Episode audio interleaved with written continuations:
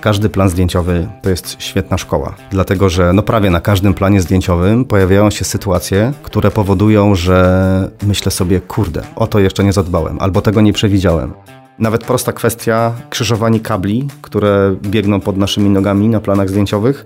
Wolę kable układać nierównolegle, tylko pod kątem 90 stopni, jeżeli muszą się krzyżować, dlatego że to też powoduje przydźwięk. Bardzo często mówimy o człowieku, który zarejestrował dźwięk na planie, a nikt nie zastanawia się, co się z tym dźwiękiem dzieje dalej. Tam jest kolejny etap, kolejny człowiek, który może albo uratować to, co ja zepsułem, albo może zepsuć to, co ja zrobiłem dobrze.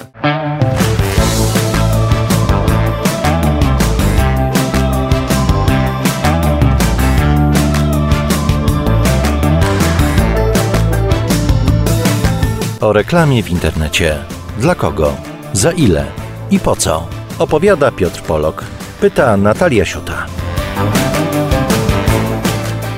Z tej strony Natalia Siuta i Piotrek Polok, a z nami Krzysztof Bąk, który całe swoje zawodowe życie jest związany z dźwiękiem. Z jego realizacją po raz pierwszy miał kontakt w stacjach radiowych. Jeżeli zaś chodzi o początki z dźwiękiem na planie, to zaczynał m.in. od takich programów jak Dzień Dobry TVN, Rozmowy w toku, Mam Talent, X Factor czy Idol. Pracuje przy filmach dokumentalnych, serialach i kanałach na YouTubie. Zajmuje się również postprodukcją dźwięku oraz dostarczaniem materiału audio jako gotowego produktu. Cześć. Czołem. Cześć.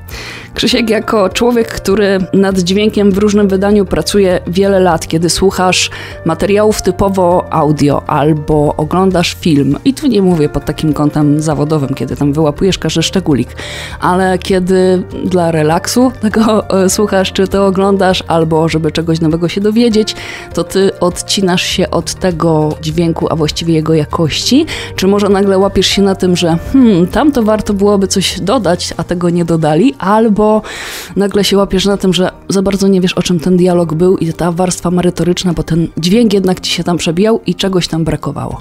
To jest temat rzeka i albo możemy załatwić to e, w 30 sekund, albo możemy trochę o tym podyskutować. Dyskutujmy.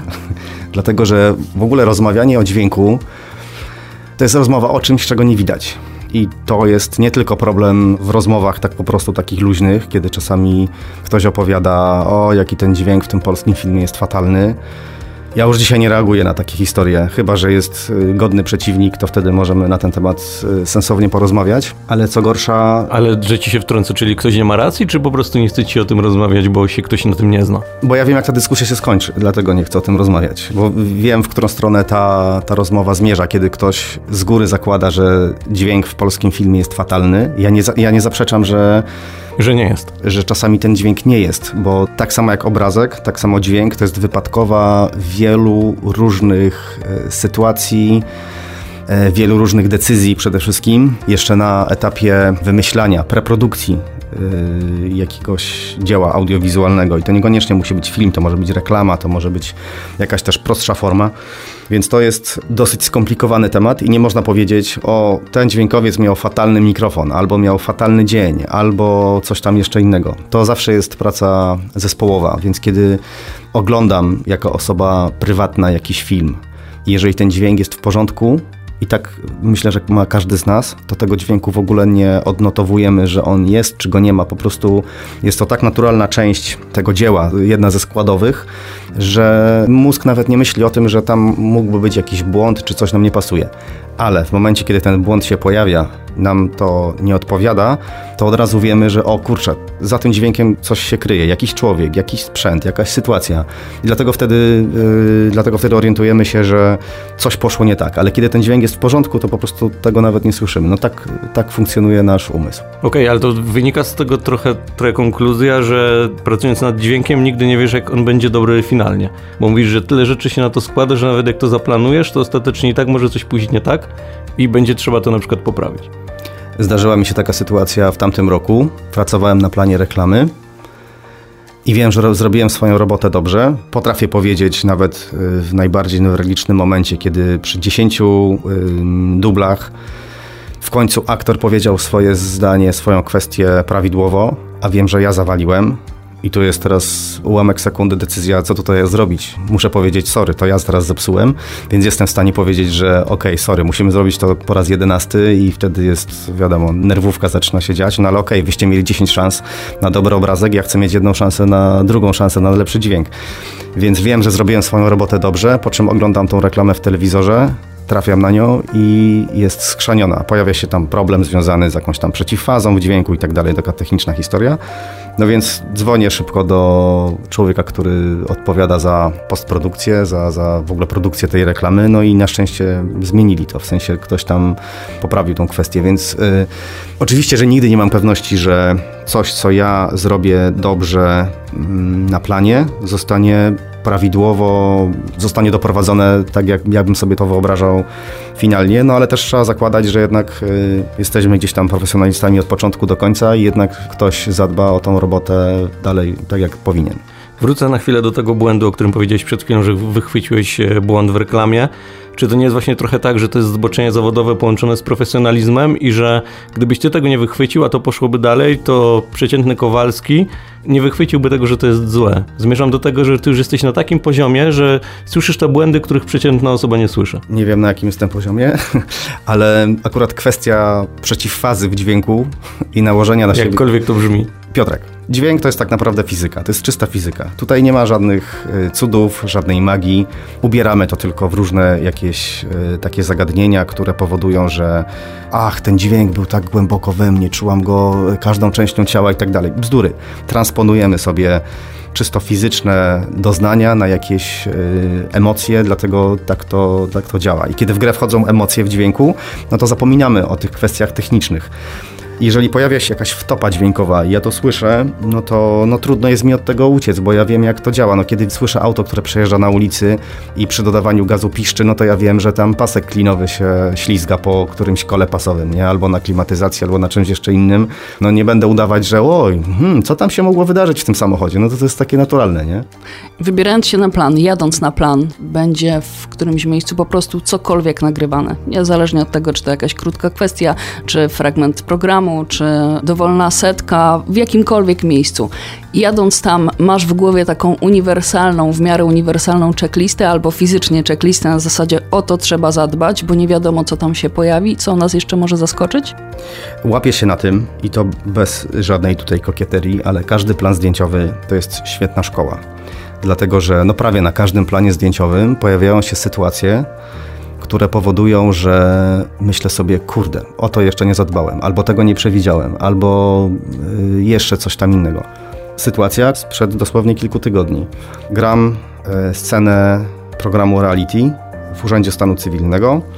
Pani urzędnik ma już mikrofon pod ubraniem, nie widzimy go, wszystko jest super.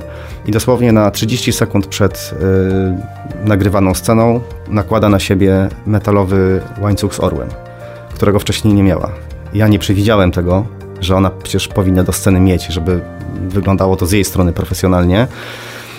No więc yy, modliłem się w czasie nagrania, nie było czasu no, oczywiście na żadne zmiany, na podklejanie tego metalowego orła i tak dalej. Modliłem się o to, żeby w czasie wypowiadania swojej kwestii ona się po prostu nie ruszała, żeby nie była rycerzem w dźwięku. Yy, na szczęście to się udało, ale to jest taka sytuacja, która też mnie nauczyła tego, że i nawet w takiej prostej sytuacji w programie reality może się wydarzyć yy, no, no coś takiego. Więc po pierwsze, zawsze biorąc jakąkolwiek robotę, pytam trochę tak przekornie, czy dam radę.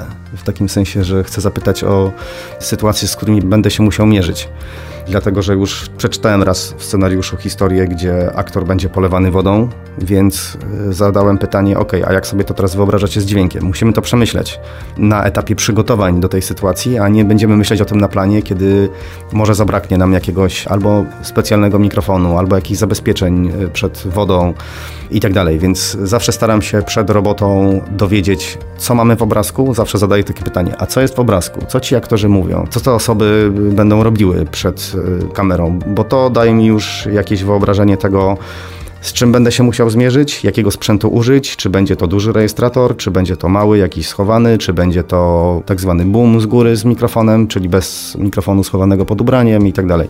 Więc staram się myśleć po prostu, no bo w całym tym pionie produkcyjnym, na etapie tej preprodukcji, zazwyczaj nie ma lepszego fachowca od dźwięku, jak ten dźwiękowiec. Nie chodzi o mnie, tylko po prostu generalnie dźwiękowiec, który ma zarejestrować dźwięk na planie, to on jest tym człowiekiem, który wie i potrafi przewidzieć pewne sytuacje i nie tylko po to, żeby sprzęt przeżył taki dzień zdjęciowy, tylko żeby ten dźwięk też został zarejestrowany. To a propos tego scenariusza i roli dźwiękowca e, na planie, czy zdarzyły się takie sytuacje, albo takich pamiętałeś, że scenariusz został zmieniony tylko dlatego, że nie można było na przykład użyć mikrofonu, albo została zmieniona jakaś scena, żeby ten mikrofon był i tak dalej, bo jak mówisz, nie zawsze można go użyć i będzie scena z wodą, z ogniem, z jakimś skokiem, ze spadochronem na przykład, nie wiem. I wtedy tego nie będzie można zrobić, więc trzeba to dograć na przykład na postprodukcji, czy... Takie rzeczy dzieją się może nie jakoś bardzo często, ale no tak, to jest, jeżeli produkcja jest, yy, mówię o tej sekcji, nazwijmy to merytorycznej, jeżeli jest na tyle profesjonalna i potrafi przewidzieć pewne rzeczy, to ja też potrafię wytłumaczyć. Słuchajcie, jak chcecie mieć tą scenę w takim kształcie, jak sobie to wymyśliliście, to weźcie pod uwagę, że ten dźwięk po prostu będzie kiepski albo się to w ogóle nie uda. Ryzykujemy. Ale też od razu proponuję rozwiązanie, jak to możemy zrobić. I takie rzeczy na przykład dzieją się właściwie dzisiaj, bardzo dużo rzeczy nagrywamy też z dronów.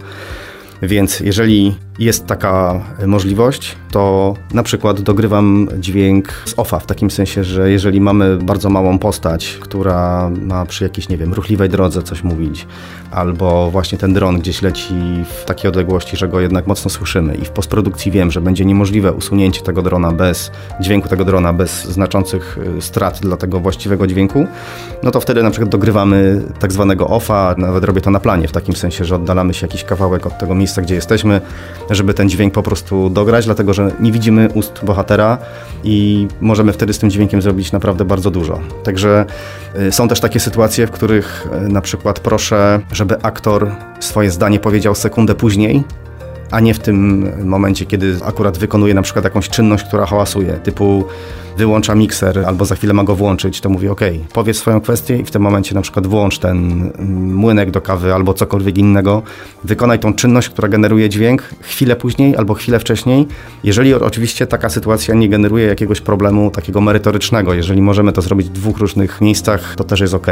Miałem taką sytuację ostatnio, że aktor schylał się mówiąc coś, a wiem, że doskonale mógł to powiedzieć równie dobrze w momencie, kiedy jeszcze jest wyprostowany, a kiedy się schylał jakąś tam rzecz leżącą na podłodze, mógł to robić już w tym momencie bez wydawania żadnego dźwięku. Dało się jakby to przepchnąć, dlatego że ja muszę myśleć o tym, żeby umiejscowić przede wszystkim mikrofon w odpowiednim miejscu w stosunku do aparatu mowy, więc jeżeli ten aktor się schyla, no to wiadomo, widzimy całą postać w kadrze, jest to problem dla dźwięku, więc no takie rzeczy się oczywiście zdarzają i to jest naturalne. Mhm. Zastanawiam się nad, nad jedną rzeczą, bo pewnie ciężko będzie zdefiniować, co to jest idealny dźwięk albo krystalicznie czysty dźwięk, jak to marketingowo często brzmi. Moje pytanie jest takie, czy to nie jest trochę tak, że ta naturalność, czyli na przykład jakiś problem, który pojawi się na planie, albo ktoś nagrywa jakiś wywiad o ekologii w lesie i słychać te ptaki, albo e, słychać ogólnie tą atmosferę lasu, mówiąc kolokwialnie, czy to nie jest lepsze niż takie nagrywanie jak często w studiu, a dopiero później nakładanie dodatkowych elementów. Wiem, że może trochę zawiłe pytanie, ale bardziej chodzi mi o to, czy naturalność nie będzie lepsza od tego wykreowania profesjonalizmu. Piotrze, ja bym tego lepiej nie, nie ujął sytuacja następująca. Dosłownie sprzed tam też kilku dni, kiedy starałem się przekonać mojego zleceniodawcę, bo tak to muszę nazwać. Nagrywam również podcasty, w takim sensie, że nagrywam tylko dźwięk bez obrazka, więc... Czyli tak jak my teraz. Dokładnie tak.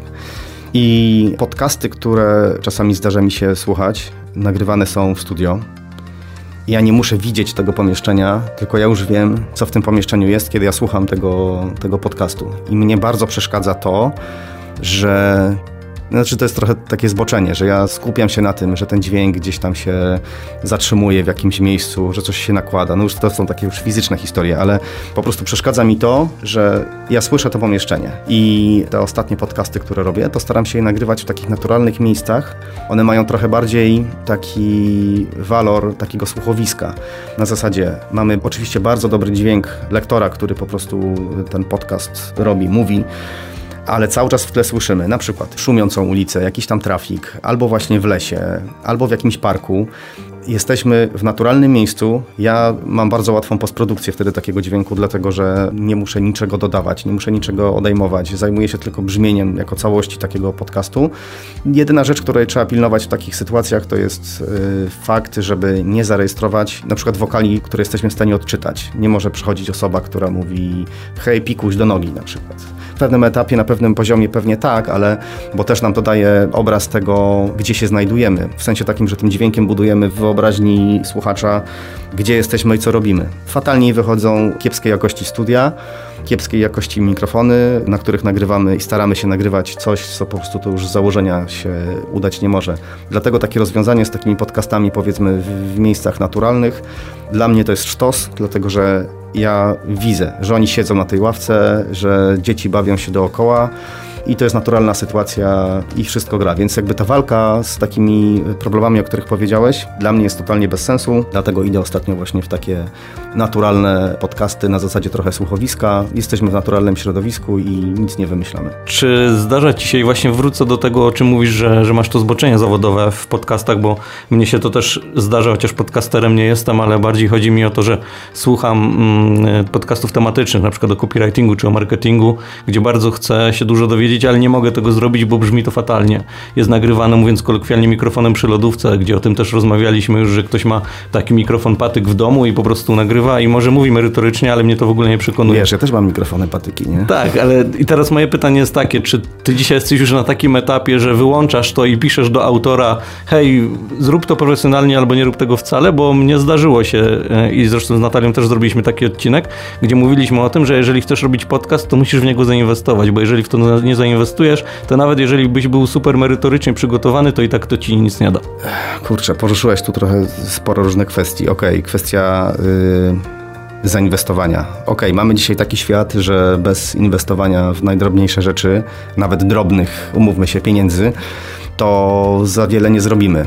Jeżeli robimy coś samodzielnie, to nigdy nie przebijemy się przez pewien pułap taki jakościowy. Jeżeli mówimy tutaj o jakiejś produkcji audio-wideo, no to no nie ma cudów, ale reżo-operator tak zwany, czyli człowiek z aparatem fotograficznym, który robi i dźwięk, i reżyseruje, i świeci, być może przyzwoicie zrobi taką produkcję, ale nie przeskoczy pewnego pułapu, kiedy za dźwięk odpowiada dźwiękowiec, za światło odpowiada inny pion, za reżyserię ktoś inny, a ten operator, powiedzmy, obrazu skupia się tylko i wyłącznie na parametrach kamery. Jest tak dużo różnych y, czynników, które powodują, że to, co oglądamy i słuchamy, ma ręce i nogi, że no, no jeden człowiek nie jest w stanie się na tym y, skupić.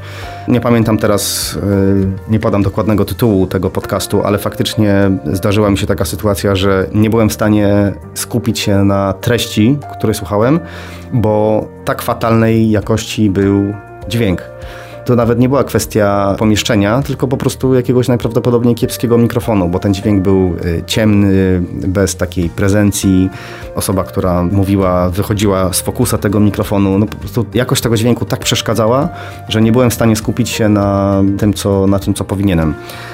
Y, zadałeś mi pytanie, czy wyłączam, czy piszę do autora, że coś jest kiepsko. Zdarzyło mi się raz napisać do człowieka, który rolki nagrywa y, na, na Instagrama, takie motoryzacyjne, które zresztą no, lubi oglądać przemyca tam jakąś sensowną treść. Po pierwsze, nagrywa telefonem, tu jest wszystko ok, ale dźwięk stereofoniczny. Wystarczy przesunąć jeden guziczek w ustawieniach telefonu, aby ten dźwięk stał się monofoniczny, dlatego że nagrywanie wokalu w stereo telefonem powoduje bardzo wiele różnych problemów takich technicznych w odbiorze po drugiej stronie, y, kiedy oglądamy taką rolkę, więc po prostu zasugerowałem stary, kliknij po prostu w mono i zobaczysz, że ten dźwięk będzie się o wiele lepiej przebijać przez to całe tło, które masz za sobą i tak dalej. Super, facet zmienił, podziękował i jedziemy dalej. Nie? Co może przeszkadzać w nagraniu dobrej jakości dźwięku, na co nie masz wpływu i na przykład musisz zmienić lokalizację? I myślę tu o takich sytuacjach, którą ja na przykład miałam, czyli że w jednej z hal sportowych miałam do nagrania, czy właściwie w takim małym pomieszczeniu, bo na hali sportowej to byłoby wielkie echo, ale miałam do nagrania sportowców. Tam akurat skończył się trening, wszyscy wyszli, teoretycznie była cisza.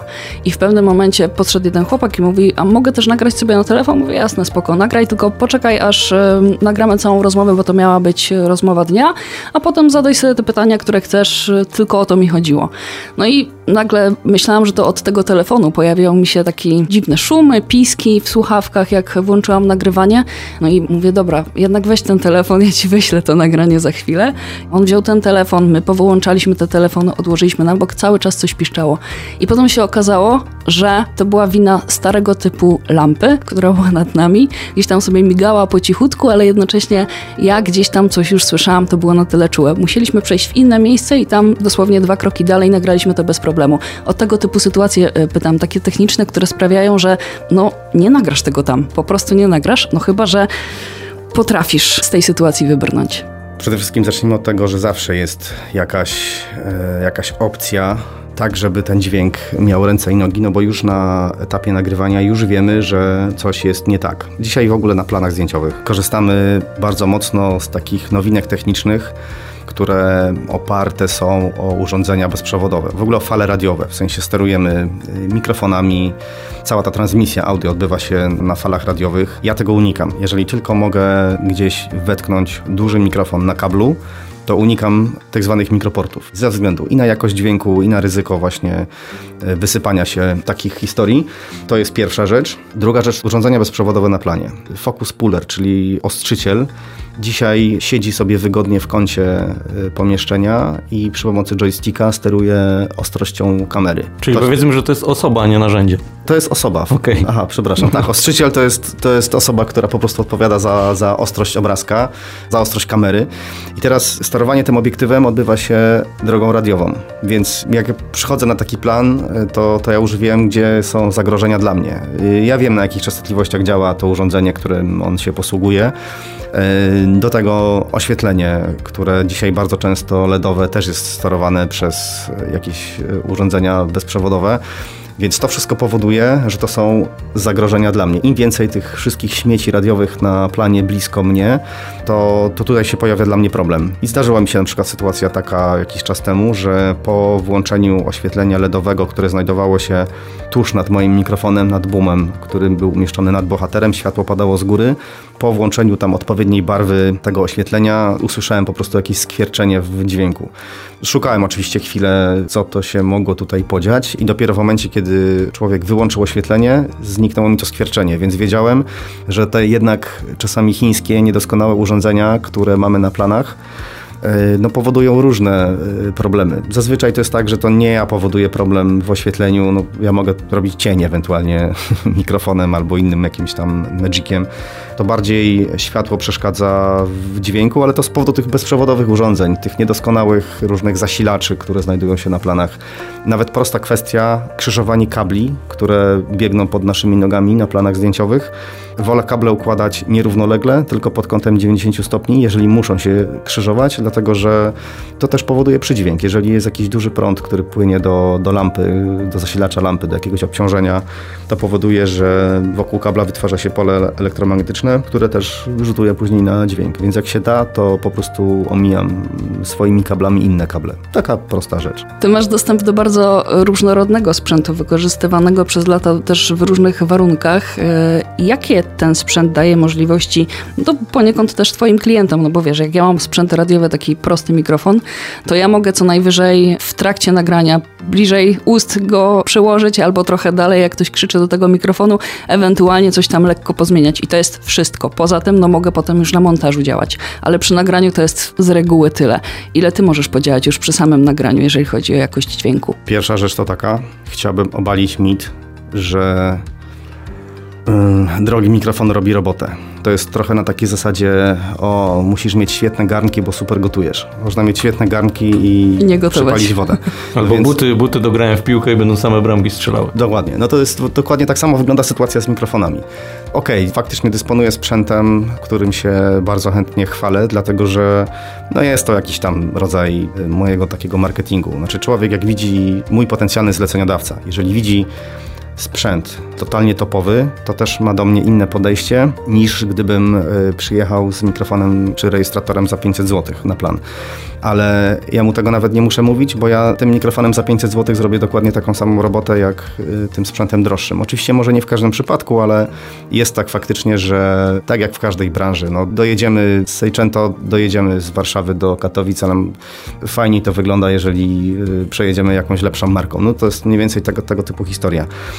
Przekornie trochę powiem, o, mówisz o mikrofonach e, w radiu. Ja kiedy zaczynałem w polskim radiu pracować, dysponowaliśmy mikrofonami, które do dzisiaj są absolutnie kultowe, absolutnie rewelacyjne i staram się oczywiście systematycznie, jeżeli jest jakaś okazja, jakiś używany, dobry mikrofon kupić, to staram się to robić, mimo tego, że nie używam ich na co dzień, bo są to zazwyczaj jakieś mikrofony takie o niecodziennych, powiedzmy, jakichś tam parametrach, ale jakiś na przykład stereofoniczny mikrofon i, i tak dalej. No to więc jeżeli jest jakaś okazja kupić w niedużych pieniądzach używany mikrofon, to staram się to robić, dlatego że nawet dla jakiegoś jednego nagrania w roku warto czasami takim mikrofonem y, dysponować. Więc to nie jest tak, że sprzęt robi robotę. On oczywiście pomaga w pracy i w wielu sytuacjach. Tym sprzętem mogę czasami sobie pomóc y, w rozwiązaniu jakiegoś problemu, w użyciu mikrofonu, odpowiedniej charakterystyce w danym momencie i tak dalej, i tak. Więc jest to, posiadanie tej opcji jest pomocne, ale nie jest to kluczowe. Zawsze uważam, że człowiek jest tutaj tym y, najbardziej newralgicznym i najistotniejszym parametrem. A rzucisz jakimiś przykładami, kiedy taki sprzęt się przydał i uratował tyłek? Sytuacje, w których staram się używać na przykład tańszego sprzętu, bez uszczerbku na jakości tego dźwięku. To są takie sytuacje, kiedy trzeba zaryzykować w pewnym sensie sprzętem. Na przykład sytuacja z tego roku, kiedy wchodzę z ekipą zdjęciową do sztolni pod ziemią i wody mamy tak naprawdę no, powyżej pasa. No i teraz. Yy, jak to zrobić, żeby zabrać ze sobą rejestrator wart 30 tysięcy złotych czy 40, jakieś odbiorniki bezprzewodowe, do tego no, cała ta otoczka jest w ogóle bardzo droga. To nawet nie jest kwestia samego mikrofonu, no, ale torba potrafi kosztować 2,5 tysiąca złotych na ten sprzęt. Produkcja mnie nie pyta, jak ja to zrobię, ten dźwięk po prostu ma być. Więc w tym momencie no, nie stosuję na przykład mikrofonów takich ukrywanych pod, gdzieś tam pod ubraniem, nie stosuję mikrofonów za 2,5 tysiąca złotych, tylko takie za 500 złotych, yy, które umiejscowione odpowiednio dają bardzo dobre efekty. Ale też trzeba wziąć pod uwagę to, że no nie jesteśmy w studiu nagrań, tylko wchodzimy pod ziemię, gdzie się bardzo dużo dzieje, gdzie y, szumi nam woda, chlupie, y, gdzie tych dźwięków, których nie chcemy, jest bardzo dużo, więc y, w tym momencie trochę innym priorytetem jest nagranie super dźwięku, po prostu lepiej go miejmy. To są takie sytuacje tak zwane dokumentalne, czyli lepiej jest mieć dźwięk dobry niż bardzo dobry, ale żeby go mieć, niż e, nie mieć go w ogóle na przykład. E, dlatego właśnie zawsze próbuję dopytać, z czym będziemy się mierzyć w danej scenie, z jaką sytuacją, bo ja wtedy wiem, czy używam sprzętu drogiego i wiem, że zrobi dobrze robotę, ale nie stracę go, niż w przypadku takich historii, gdzie aktor wpada do wody, no i ja już wiem, że jest już po temacie. Nie? Ja pamiętam taką sytuację w Polskim Radiu, gdzie zarówno ty, jak i ja mieliśmy tą okazję przeżyć swoją przygodę. E, I jedna z redaktorek, to jest już z opowieści, wiem, bo niestety nie było mi dane tego przeżyć. Po stworzeniu dźwięków redaktorzy spotykali się mm, w jednym pomieszczeniu słuchali nawzajem swoich materiałów, mówiąc sobie, co mają poprawić, jakie mają błędy i tak dalej. Czy u was wygląda to podobnie, że kilka osób, załóżmy ty masz takie drugie ucho, które słucha to, czego słuchasz ty i słuchasz tego tyle razy, że już nie słyszysz tych błędów i masz osobę, która to, to sprawdzi, czy jest na przykład jedna osoba, załóżmy reżyser, który podejmuje decyzję, czy to idzie, czy nie? Zastanawia mnie, kto podnosi odpowiedzialność za finalną wersję, która idzie na antenie. Wbrew pozorom, to może być prosty temat, a może być skomplikowany. Wszystko zależy od rodzaju produkcji. Przede wszystkim bardzo często jest tak, że reżyser, czy producent nawet, nie słyszy poszczególnych etapów produkcji dźwięku. Takim sensie, że ja nagrywam dźwięk na planie i często spotykam się z takimi sytuacjami, że reżyser mówi: Nie, ja ci ufam, nie potrzebuję słuchawek. A nawet gdyby te słuchawki y, miał na uszach w trakcie sceny, to ten dźwięk, który dociera do reżysera czy do kamery tak zwany pilot, czyli to wszystko, co ja gram na planie, on jest y, takiej jakości, że oni nie są w stanie, że te osoby, które mnie nadzorują, powiedzmy nadzorują w cudzysłowie, nie są w stanie zweryfikować, czy to było ok, czy to nie było ok. Dlatego, że Mamy trzy osoby na planie. Każda z tych osób mówi poszczególne swoje kwestie. Ja w tym momencie y, słucham solo pojedynczych y, wykonów tych osób. I jeżeli coś będzie nie tak z dźwiękiem aktora numer 3, ale ten aktor nic nie mówi, tylko na przykład podrapał się akurat w miejscu, gdzie mam mikrofon, no to y, mnie ten dźwięk w ogóle nie interesuje, bo on, on się w ogóle na, na antenie czy tam w filmie on się nie pojawi. Mnie interesuje tylko aktor numer jeden. Jak zaczyna mówić aktor numer trzy, wtedy przełączam się na solo do aktora numer trzy, nie interesuje mnie dźwięk aktora numer jeden a reżyser zazwyczaj będzie miał wszystkie trzy dźwięki w swoich słuchawkach, więc on nawet nie będzie w stanie odnotować, który mikrofon zatrzeszczał, gdzie było coś nie tak, gdzie był jakiś błąd. W tych słuchawkach reżyser ma po prostu śmietnik, więc yy, mówiąc wprost, więc zawsze dziwi mnie to, że te osoby z tak zwanego nadzoru chcą te słuchawki z tym, z tym tak zwanym pilotem. Jeżeli to jest film y, dokumentalny, jakiś poważny, fabularny, jakaś poważna produkcja, jak najbardziej okej. Okay. Ja też nie biorę na siebie odpowiedzialności merytorycznej, czy ten aktor y, wypowiedział dobrze daną kwestię, czy nie, więc ja dbam tylko o technikę ale w bardzo wielu kwestiach, przy których ja pracuję, no ten dźwięk, y, który dotrze do tego reżysera, który również musi skupić się na milionie różnych innych kwestii, po prostu to jest y, czysta jakaś formalność. Super, słuchałem tego na planie, ale wiesz, y, jak pójdzie coś nie tak, to i tak ty za to odpowiadasz. Ja mówię, stary, ale byłeś tam na tym planie, więc dlaczego nie zareagowałeś? I tak dalej, i tak dalej. Więc jakby to nie, nie ma zupełnie sensu ale pytałeś, czy mam osobę, która, która weryfikuje. Y, czy oczywiście, że nie mam, to nie jest tak. Jeżeli wszystko jest w porządku, to ewentualnie można usłyszeć dziękuję. jest ok. Ale jeżeli coś pójdzie nie tak, no to wtedy dopiero zaczynają się jaja. I tutaj jest jeszcze bardzo ważna kwestia. Coś, co ja zrobię na planie, trafia do postprodukcji, pod warunkiem, że ja sam tego nie postprodukuję, bo zdarzają się oczywiście sytuacje, że ja to, co sam nagrywam na planie, również zajmuję się montażem. Jest to komfortowa sytuacja, bo wtedy w 100% ja odpowiadam za całokształt tego produktu, którym jest dźwięk. E, inaczej wygląda sytuacja, kiedy ja nagrywam na planie, ktoś inny montuje, postprodukuje. Lubię zadzwonić sobie po sezonie na przykład jakiegoś programu, po kilku odcinkach do takiego człowieka, który odpowiada za ten dźwięk w tej kolejnym, na tym kolejnym etapie. I się go pytam, z czym miałeś problem, wszystko było ok, e, czy tam timecody się zgadzały i tak dalej. To jest też taka fajna relacja na zasadzie, że, bo bardzo często mówimy o człowieku, który zarejestrował dźwięk na planie, a nikt nie zastanawia się, co się z tym dźwiękiem dzieje dalej i że tam jest kolejny etap, kolejny człowiek, który może albo uratować to, co ja zepsułem, albo może zepsuć to, co ja zrobiłem dobrze.